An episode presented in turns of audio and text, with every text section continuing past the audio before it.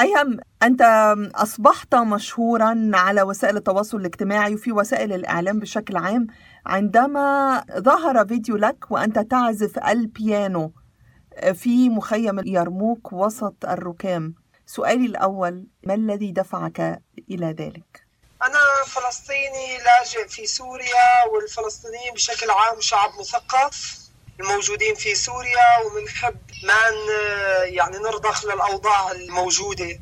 فالحرب إجت على سوريا وأنا عازف بيانو بحب التغيير وما بحب أموت ساكت. لهيك طلعت البيانو وعزفت بيانو في الشارع. فعلت ذلك عندما كان الوضع في اليرموك صعبا جدا. كانت الأحوال المعيشية في منتهى الصعوبه والناس محتاجة إلى المساعدات للبقاء على قيد الحياة.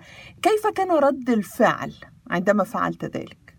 كانت الأشخاص الموجودين في مخيم اليرموك يعني فوق عمر ال 35 سنة أو 40 سنة يعني الأقدم في العمر مش حابين الفكرة ابدا بس اللي كانوا يحبوا الفكرة هن الأطفال والشباب. في المخيم اللي كانوا يظهروا معي بالفيديوهات إما يغنوا أو يدفشوا البيانو معي أو يغنوا بجنب البيانو. هن كانوا المشجع والدافع الأول لعزف الموسيقى. أنا مش قوي بحالي لأنه قدرت كملت في المخيم بظل هاي الظروف الصعبة ثلاث سنوات من العزف الموسيقى بس أنا قوي فيهم يعني بهدول الأشخاص وبهدول الأطفال اللي كانوا يحبوا الموسيقى. طبعا الموسيقى إذا ما كان إلى مستمع ما في الموسيقي ما فيه يقدر يعزف. ما هي أكثر مقطوعة كانت بتؤثر فيك وفي الأطفال والشباب الذين كانوا يستمعون إليك أيضا؟ مقطوعة موسيقية أو أغنية؟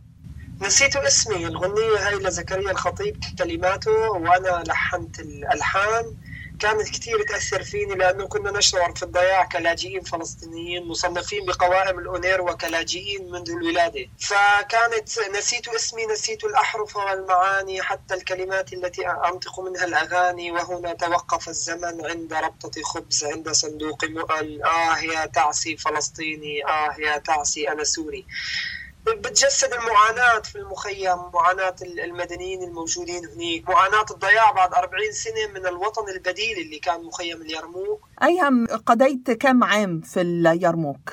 2012 17 12 2012 خرج أهل مخيم اليرموك وقررت إنه اضلني باليرموك. بالحرب قضيت 2012 2013 2014 و2015 خرجت في شهر ثمانية. ولكن أنا ولدت في مخيم اليرموك تعلمت في مدارس الأونيروا في مدرسة المنصورة ومدرسة آه، القسطل كانت بأسماء بلدات فلسطينية. تعلمت في الثانوية في ثانوية اليرموك في المخيم اليرموك وتابعت الدراسة في آه، حمص. لماذا لم تغادر مع أهلك أيهم عندما غادروا قبلك؟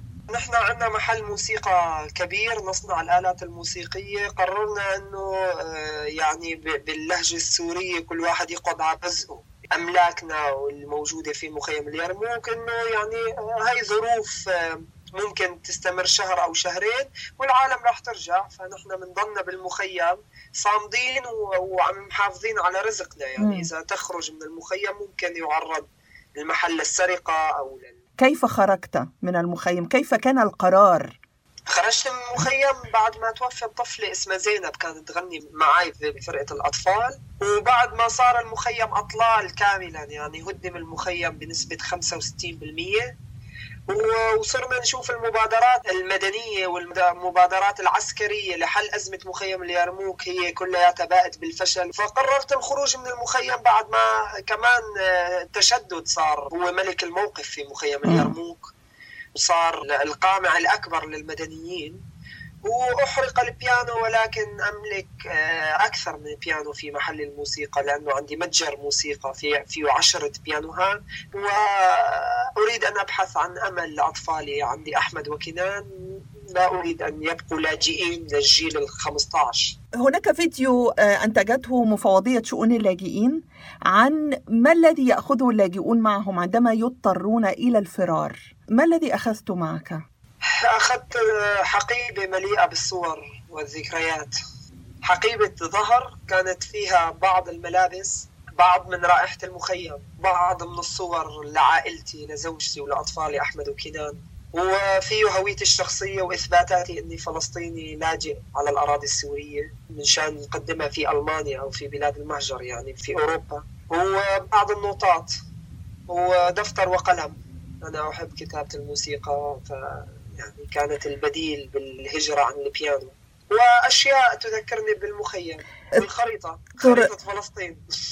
اضطررت إلى ترك طبعا الآلات الموسيقية وراءك. كيف كان شعورك؟ اضطررت لترك زوجتي وأطفالي ورائي مش الآلات الموسيقية فقط. لم ي... لم يسافروا معك لم يغادروا معك. لم يغادروا معي. الطريق كان قاسي وجدا مزعج وأنا بس أتيت إلى ألمانيا عملت Familienzusammenführung يعني لم الشمل العائلة وجاءوا بالطيارة بطريقة آمنة الحمد لله. ولكن أجينا نحن بطريقة المميتة المعروفة لكل اللاجئين. كيف كانت هذه الرحلة الصعبة؟ أي الطرق؟ لأن هناك رحلات كثيرة محفوفة بالمخاطر. أي طرق اضطررت أن تسلك؟ الطرق جدا فظيعة للفلسطيني السوري لأنه نحن ممنوعين من السفر إلى لبنان أو لبنان تمنع دخول الفلسطيني السوري في إلى لبنان. الأردن تمنع دخول الفلسطيني من زمان. تركيا تطلب منا الفيزا ولا يوجد سفارة لتركيا في سوريا. والعراق الوضع محتدم وملتهب فمستحيل نطلع على العراق. فنحن في عنا طريق واحد هو الهجرة البرية. الخروج من دمشق إلى حمص من حمص إلى حماة من حماة إلى شمال حماة ودخول بأراضي المعارضة ومن ثم أراضي جبهة النصرة ومن ثم أراضي داعش والخروج إلى الحدود التركية السورية بطريقة غير شرعية طبعا لأنه مش معانا جواز سفر ولا هوية تسمينا سوريين يعني. نحن بهويتنا مكتوب إنه نحن لاجئين على الأراضي السورية. ومن ثم عبر الأقدام يعني أغلب الرحلة كانت بسيارات تكتظ بالعالم. ووصلنا إلى تركيا بعدين بالباص إلى أزمير.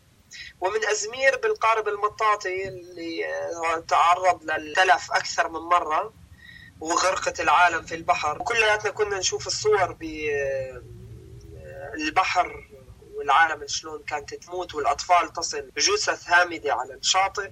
وبعدين عبر الأقدام من اليونان إلى مقدونيا إلى صربيا كرواتيا بالأقدام وعبر المهربين والمافيات وبدفع مبالغ مالية. أمرار تكون كبيرة أمرار تكون صغيرة. لو وصلت إلى ألمانيا دفعت مبلغ كبير جدا يعني بالنسبة للسوريين عشرة آلاف يورو. وفي النهاية حصلت على اللجوء في ألمانيا والآن أسرتك معك. تمام. في 26 4 إبريل حصلت على اللجوء في ألمانيا في 2016 وأسرتي إجت بقانون لم الشمل ب 4 8 2016 اولا ما الذي تفعله الآن في ألمانيا؟ أيهم؟ قمت بأداء 160 كونسرت في ألمانيا يوميا. عندي حفلات. أتنقل بكل مدن ألمانيا. أتحدث عن المخيم وعن عن سوريا وعن المدنيين هناك. واعزف الموسيقى المليئة بالألم والأحزان والقليل من الفرح. والكثير من الذكريات. كيف تمكنت من العمل الانخراط في المجال الموسيقي بعد أن وصلت إلى ألمانيا؟ هل تواصلت مع منظمة معينة؟ هل ساعدتك جهة معينة؟ بديت الحديث إنه صرت مشهور على الإعلام، أنا قبل ما أجي على ألمانيا كنت في طريق اللجوء كتبت عني الجريدة الألمانية المهمة كبار الجرايد هن Süddeutsche Zeitung يعني هي SZ سايتونغ. هي كبار الجرايد في ألمانيا كتبت عني مقال صفحة كاملة على الجريدة وحطت صور عن رحلتي وقالت إنه ايهم أحمد سوف يأتي بعد عشرة أيام إلى ألمانيا. فكنت باستقبال كبير من أكاديمية بيتهوفن والكثير من الأصدقاء ومن التلفزيون الرسمي الزي دي إف بعمل وثائقي عن حياتي في ألمانيا وعن استلامي لجائزة بيتهوفن Preis ببون.